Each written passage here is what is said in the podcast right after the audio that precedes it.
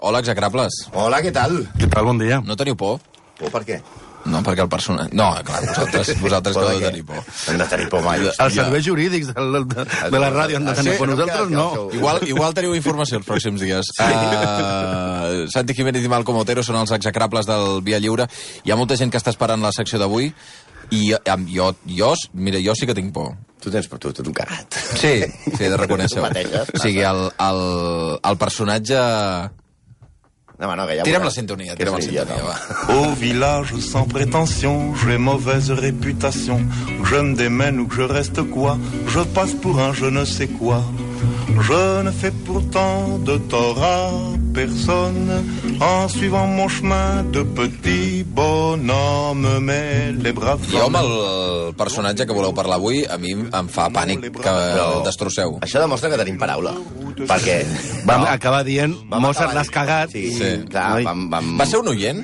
No, no, va ser que... Va ser vosaltres. a- a- quan vam acabar la setmana passada a Voltaire, Sí. eh, Vol, eh, Mozart va escriure una carta dient que l'agradava de, que, de la mort de Voltaire, i ens mm. van dir, Mozart, sí. I nosaltres, que... Ens Que us va- agrada Voltaire. Ens va, ens va saber molt de greu, per tant van dir, mira, ja que estem al segle XVIII, ens quedem una estoreta entre perruques i polvos, d'aquests, home, aquests que s'emblenquin a Sí, ja, ja, ja t'entenc. Home, i parlant de Voltaire, polvos hi havia, Sí, no, sí, sí, més sí, que en sí, un sí. bar de l'oest, eh? Ai, Déu meu. Ai, eh, Déu meu. I aleshores avui, sí, clar, doncs anem a per Mozart. Mozart, que realment és un gegant de la història de la música, un home que amb raó se'l tracta de geni, però que també va ser un ser insuportable, escatològic, amb un sentit de l'humor, que això ho veureu avui, que podria estar al paral·lel actuant amb Arevalo i Bertino Osborne, eh?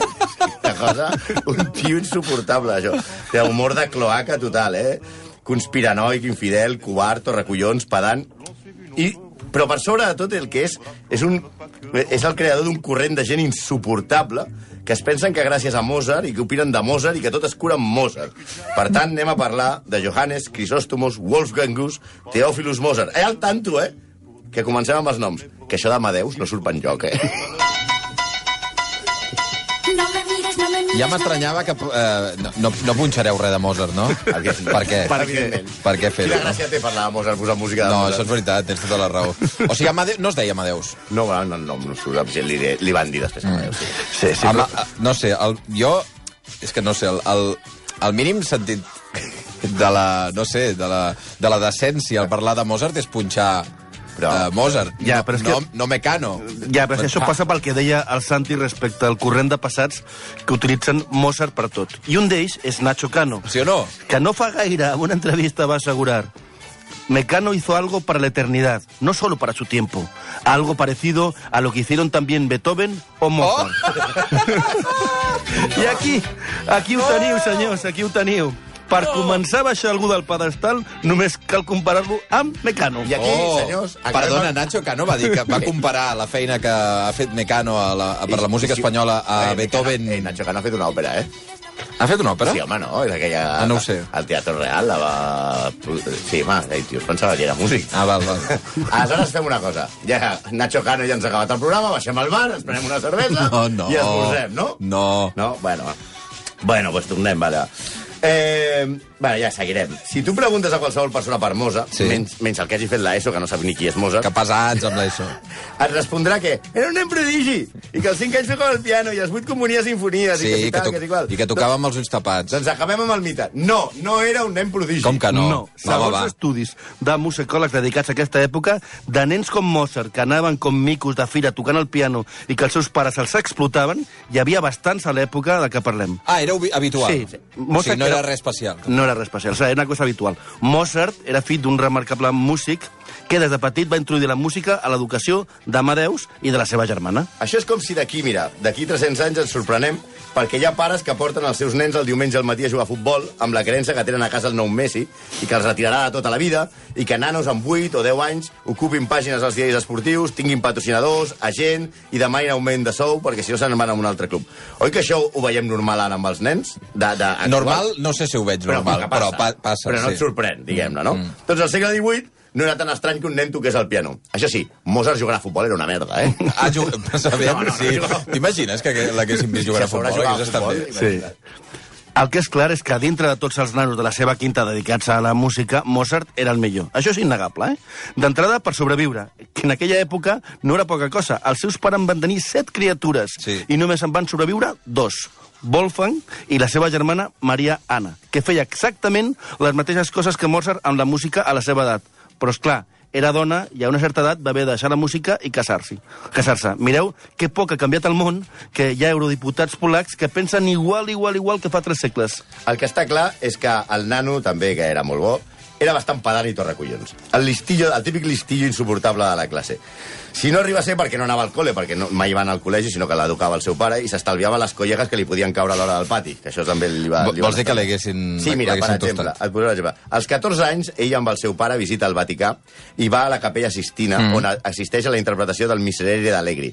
Una peça eh, gairebé secreta que només s'interpretava eh, eh, tradicionalment el dimecres sant i el Sí. divendres sant. Sí. La partitura d'aquest Miserere no es pot consultar, ni copiar-se, ni treure's de la Biblioteca Vaticana. Mm. En les dues audicions que va estar, Mozart la va memoritzar, va arribar a la pensió on s'estava amb el seu pare, i la va reproduir, i l'endemà li va ensenyar al papa.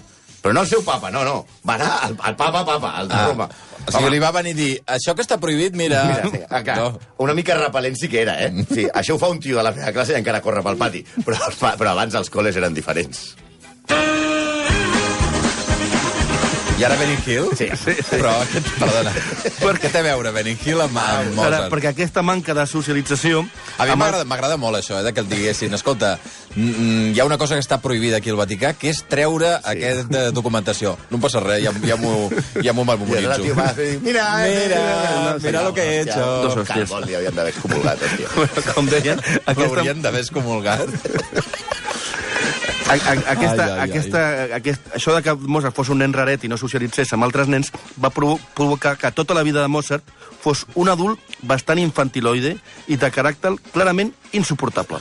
Fins i tot la seva germana, a les seves cartes, el tracta com una criatura, quan era tot un adult, extremadament vanitós, que, atenció, i com dèiem abans, tenia un humor de cloaca que hauria fet triomfar, eh, que hauria fet, l'hauria fet triomfar, triomfar al costat de genis com el Arevalo, Barragán o Jaimito Borromeo. O sigui, us costa, jo sé que us costa imaginar-vos un home capaç de compondre coses tan elevades com el Requiem o les noces de Figaro, fent acudits constantment sobre pets i caques, no? Ahí. Doncs moltes d'aquestes acudits estan recollides a les anomenades cartes de la cosineta, amb les quals el jove Mozart li tirava els trastos d'una manera poc habitual a la seva cosina, Anna Tecla Mozart, que és molt collonut que la, la cosina de Mozart es digui Tecla. Mm. A mi m'ha fet gràcia, eh? però bueno. Perdona una cosa, a- ara... ara... O sigui, ara llegiràs trossos. Sí. O sigui, ara llegiràs coses d'aquelles que a mi em posen nerviós, Sí, ara- perquè a la ràdio ara... Però són innocents, eh, ja veuràs. Va, Molt, molt, segur, segur. Ell, ell, ell, per exemple, li escriu a la seva cosina, mm. per intentar lligar-se-la, eh? Diu, oh, gilipolles. No, ja és, és, que, és que ja no anem bé. Lleva és que ja no... Va, mira... I riurem junts una altra mitja hora. Va, tu. Eh, I també es referia als mecenes que tenia, que li pagaven el, les misses i els concerts, Sí. per exemple, com la duquesa Palmada de Cul, atenció amb la connexió amb Urdangarín, que 300 anys després va signar els ducs com a duque empalmado, Sí. que això tenien... O sigui, vol dir que Urdangarín i Mozart tenien un humor bastant semblant. també parla de el comte Plaer Pixaner i la princesa fa pudor de caca. Això li Ja. posava ells els noms. Sí, es posava... La princesa fa pudor de caca. La, princesa- la princesa von Wittgenstein li deia la princesa fa pudor de caca. I el Bueno. tio es reia molt. I li feia molta gràcia. Ell li... Però espera, espera. Però era ell. Però això ho deixava per escrit. Ho estava per escrit, imagina't sí, en sí. viu. Sí, però a, a la seva primera nòvia coneguda, a Eloisa Weber, li va escriure la única que no m'estima pot llepar-me el cul. Prou ja amb això, tu. Oh, el següent poema. Et desitjo bona nit, però primer caga't al llit i fes-lo rebentar. Dorm profundament, amor meu, i a la boca et ficaràs el cul. Però què diu? Però què no diu? és, Què no diu? és lirisme pur, això, Xavi, no és lirisme pur. Això és Mozart, eh? Això és Mozart. Va. No cal dir que la, Requiem, sí.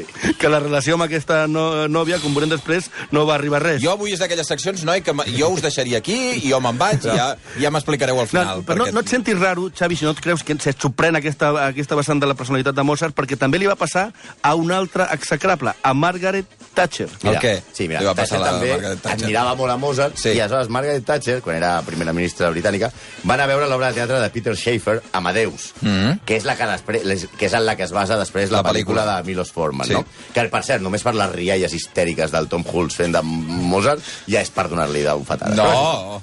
A mi m'agrada, Amadeus. Està Aquesta bé. pel·lícula ha fet molt poc Prou. per Mozart. I després veurem per què. I jo, si fos de la Ai, ai, família ai. de Salieri, estaria carregant-me al pobre gent. Però és igual. Això ho parlarem després. Ai, sí que Salieri, Aquí- pobret. aquí en Ara, perdona, ha donat grans eh, moments per la història de les paròdies. O sigui, Sí, clar. convertit en un Salieri vell allà, pobret, que Pobre recorda el Salieri, passat. eh? Pues imagina't. Era bona gent. Ara resultarà que era bona gent, Salieri. I tant. Magnífic. Era el, era el maco, vale. Sí, vale, vale. el, el bueno era Salieri. Ja, ja. Aleshores, el...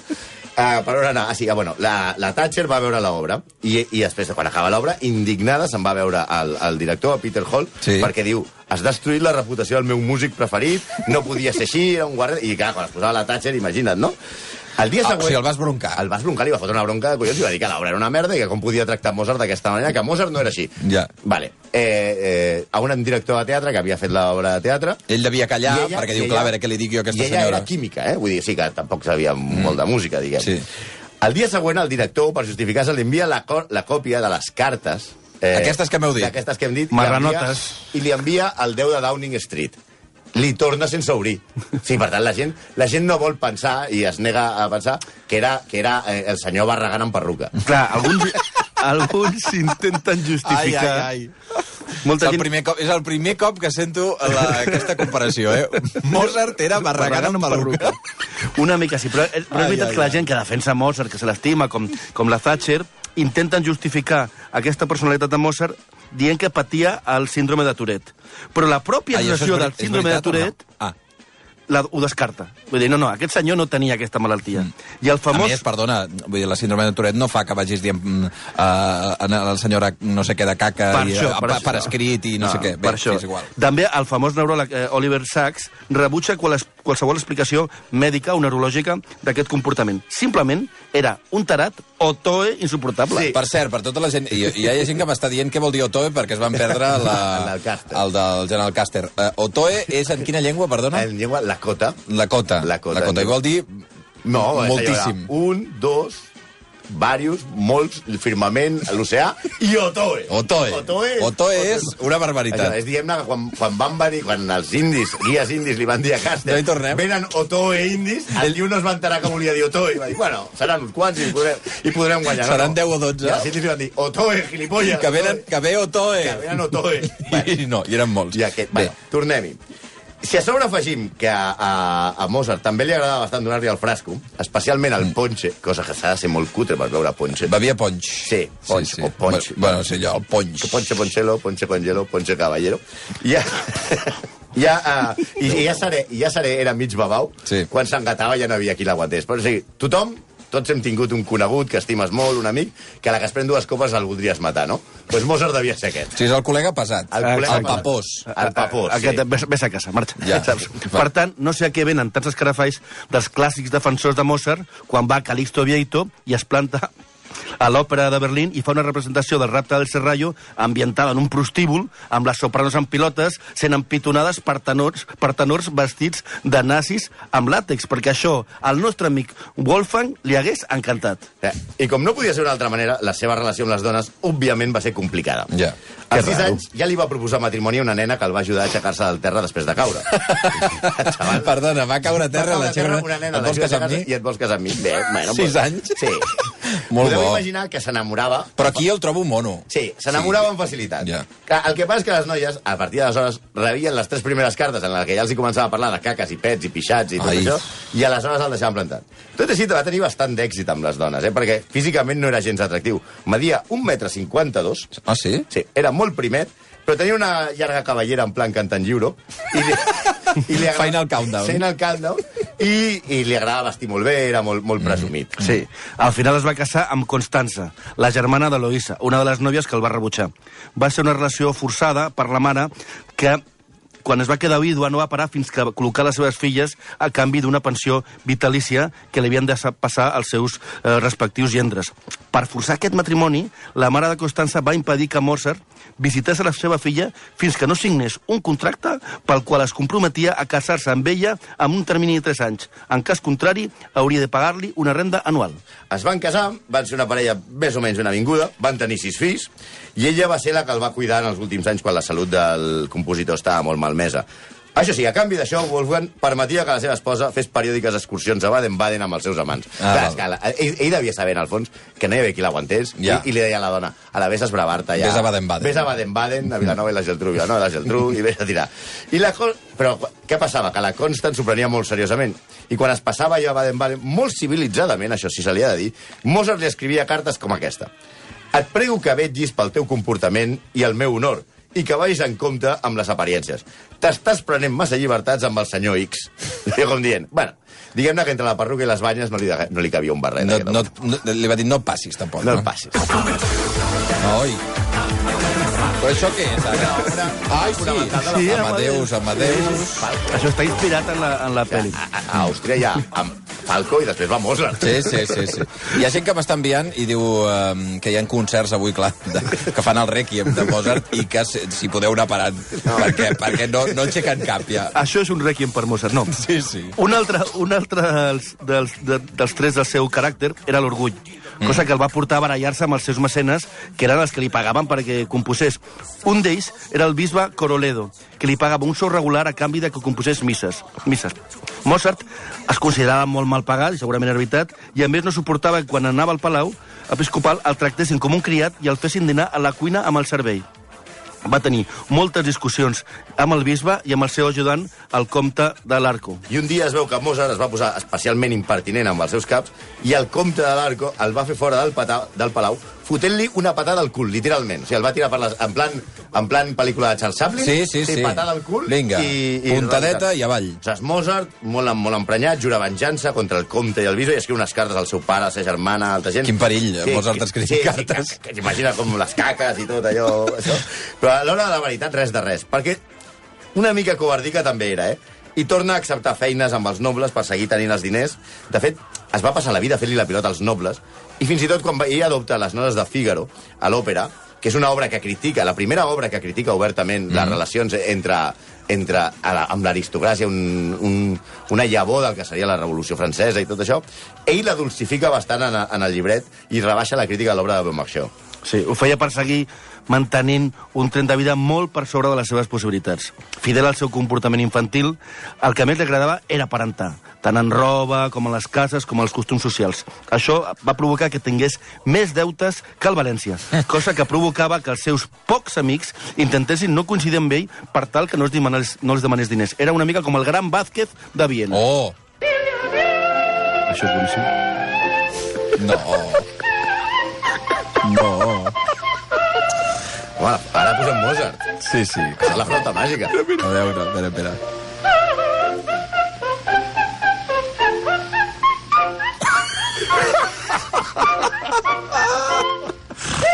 Ai, ai. És aquella que deien la pitjor soprano de la història, no? Clarence Foster Oh, Jenkins. Clarence Foster Jenkins. A veure, Sí. espera, espera, espera.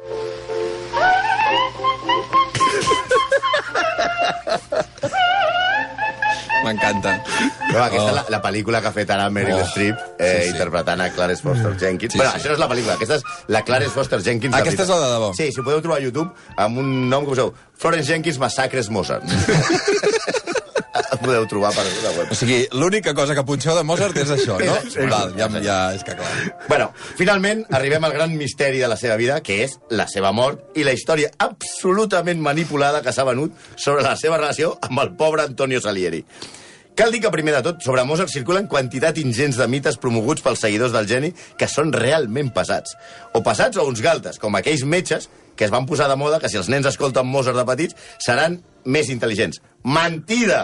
Ah, els intel·ligents són els senyors Rauster i Shaw, que l'any 1933 van formular una teoria anomenada el mètode Mozart, que va desenvolupar el 1950 un metge anomenat Alberto Matis, Sí. segons la qual... Alberto Matis. vaig al Tomatis, sí, Tomàs. sí, que Home, sembla de vaig broma, Vaig eh? cal tomatis, no, va, no.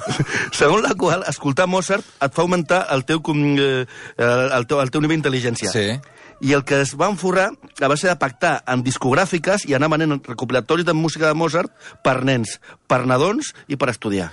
El propi departament de... Per estudiar també, eh? Sí, també. Sí, Ah, diuen que et concentres més. Sí, però clar, aquí és on surt El propi Departament de Psicologia de la Universitat de Viena periòdicament s'encarrega de fer estudis recurrents per desmentir aquesta pamplina. Textualment asseguren que escoltar Mozart no fa més intel·ligent. Escoltar música et pot inspirar i et pot predisposar, però ja pot ser Mozart o Pearl Jam. És O igual. Ed, o Ed Sheeran. O Ed Sheeran, igual. Si t'agrada, tu mateix. Ja, ja, ja, ja. No, el cas de l'efecte Mozart és una bona mostra del papanatisme que provoca a l'autor que no és res, que no té res a veure en la, en la Ja, història per, sobre la seva perdona, hi ha un, hi ha un oient, el Marc, que diu, eh, suposo perquè ell deu estar fent el mateix, diu la Jenkins és una aficionada als galls, comparat amb casa meva, on la dutxa deu ser eh, extraordinària. Eh? Sí, però ell no ha fet un disc. Això és veritat. Ni es creu el millor cantant del món. No, el problema és que tothom es vol fer l'estupendo a partir de la pel·lícula de Forman, en la que es deixa entreveure una rivalitat malaltissa entre Clar. Salieri i Mozart. Ah, no és veritat, això. I en aquest es podria... Eh, la, la idea de que aquest podria haver enverinat Mozart. Sí. També això és mentida. Salieri i Mozart no només eren amics, sinó que composaven junts. Mm. Hi ha un compositor i musicòleg, un pobre home, que es diu Timo, Eren Jo- Neymar i Messi, perdó. sí, Timo Jouko Herman, que porta tota la vida predicant en el desert, és un especialista en Salieri. O sigui, és un pobre, és un pobre home. I ningú li fa cas, Ningú no? li fa cas. Ja, ell, ja, ja. ell tracta de demostrar que el que expliquen tots els cunyats del món és mentida, però no pots lluitar contra el cunyadisme. Però és que és molt més maco que siguin enemics, m'explico? Això és veritat. Clar. Ell pica en ferro fred, i això ell fa poc, mira, això, va anar al Museu de Música de Praga Sí. i va descobrir una cantata inèdita, que però la va descobrir fa dos anys, Sí. la K477, que està signada per Salieri i Mozart. Els dos. Sí, una troballa fabulosa que demostra que col·laboraven. Inútil, no li ha fet cas ni Déu. Bueno, és que- Mola més la història de Francis Murray Abra Home, intentant que- matar a, Sí. a Tom Hulce a la pel·lícula. sens dubte, eh? o sigui, mola molt més que Però estiguessin pobre tio enfrontats. Salieri. Però Salieri què, pobre tio? Si és un tio que era molt famós a la seva època i, a- i ara, si, si, si pogués Però, transportar, perdona. teletransportar-se en el temps 300 anys després, diria, però per què em trenen per un cabrón? Però- Sí, pobre tio. Ara aterraria i diria, però ¿Qué perdoneu. pasa conmigo? Perdona. Si està Mourinho i Salieri. Sí. Ah, si no pot ser.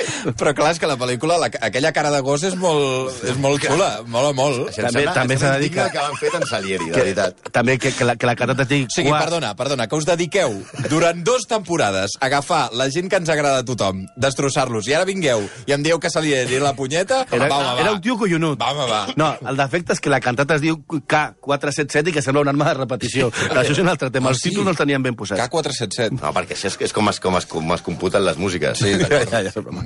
També és mentida que l'enverinessin. Tot, tot bé perquè es veu que ell, que ja hem vist que tenia un, un sentit de l'humor una mica particular, li va dir a la seva dona, però diguem que el l'havien enverinat des de feia molt de temps, perquè sempre, sempre va estar molt malament de Mira, salut. farem una mica de repàs de la seva salut. El 1764 pateix una forta amigdalitis que es va reproduir al 65, derivat en sinusitis. Aquell any pateix també febre tifoidea endèmica, que el porta està en coma. A l'any següent torna a patir febres reumàtiques. El 1767 té la varola i pateix congelacions. El 71 té traqueobronquitis i icterícia. Tres anys més tard, bronquitis, abscés dental agut. Als 25 anys, colis recurrents. I a partir d'aleshores, febre reumàtica inflamatòria crònica que serà la que acabaria matant-lo. No, no feia falta enverinar-lo. En posar-lo en una corrent d'aire ja tenies prou. Si, si, si era un nafilfa de tio. Sí, tenia una salut que podia jugar al Barça de bàsquet, tranquil·lament. Oh, La forma, la forma de la seva orella esquerra suggereix que patia congènitament del ronyó. Aquesta malformació congènita, que es coneix a la literatura amèrica com orella de Mozart, alhora no és orella Saleri, és orella de Mozart, és la causa més probable de la seva mort, tot i que hi ha algú que també apunta a la possibilitat de la sífilis, la qual cosa seria un digne final per un execrable com cal. Jo no m'aixeco d'aquí, eh? 5 minuts i 3 quarts d'onze del matí, jo, de debò, davant del, davant del tsunami dels execrables, no hi puc fer res. O sigui, Qui vols? no em, que, em, comença, em comença no, a no quedar ningú, ja. Home, tu, tu proposa. Sí, sempre et quedarà Salieri. Sí, sí. No m'agrada Salieri. No, Salieri- no el vull, És la Salieri. injustícia més gran del món, o sigui, pobre tio. Ai, Déu meu. 5 minuts i 3 quarts d'onze, execrables, gràcies.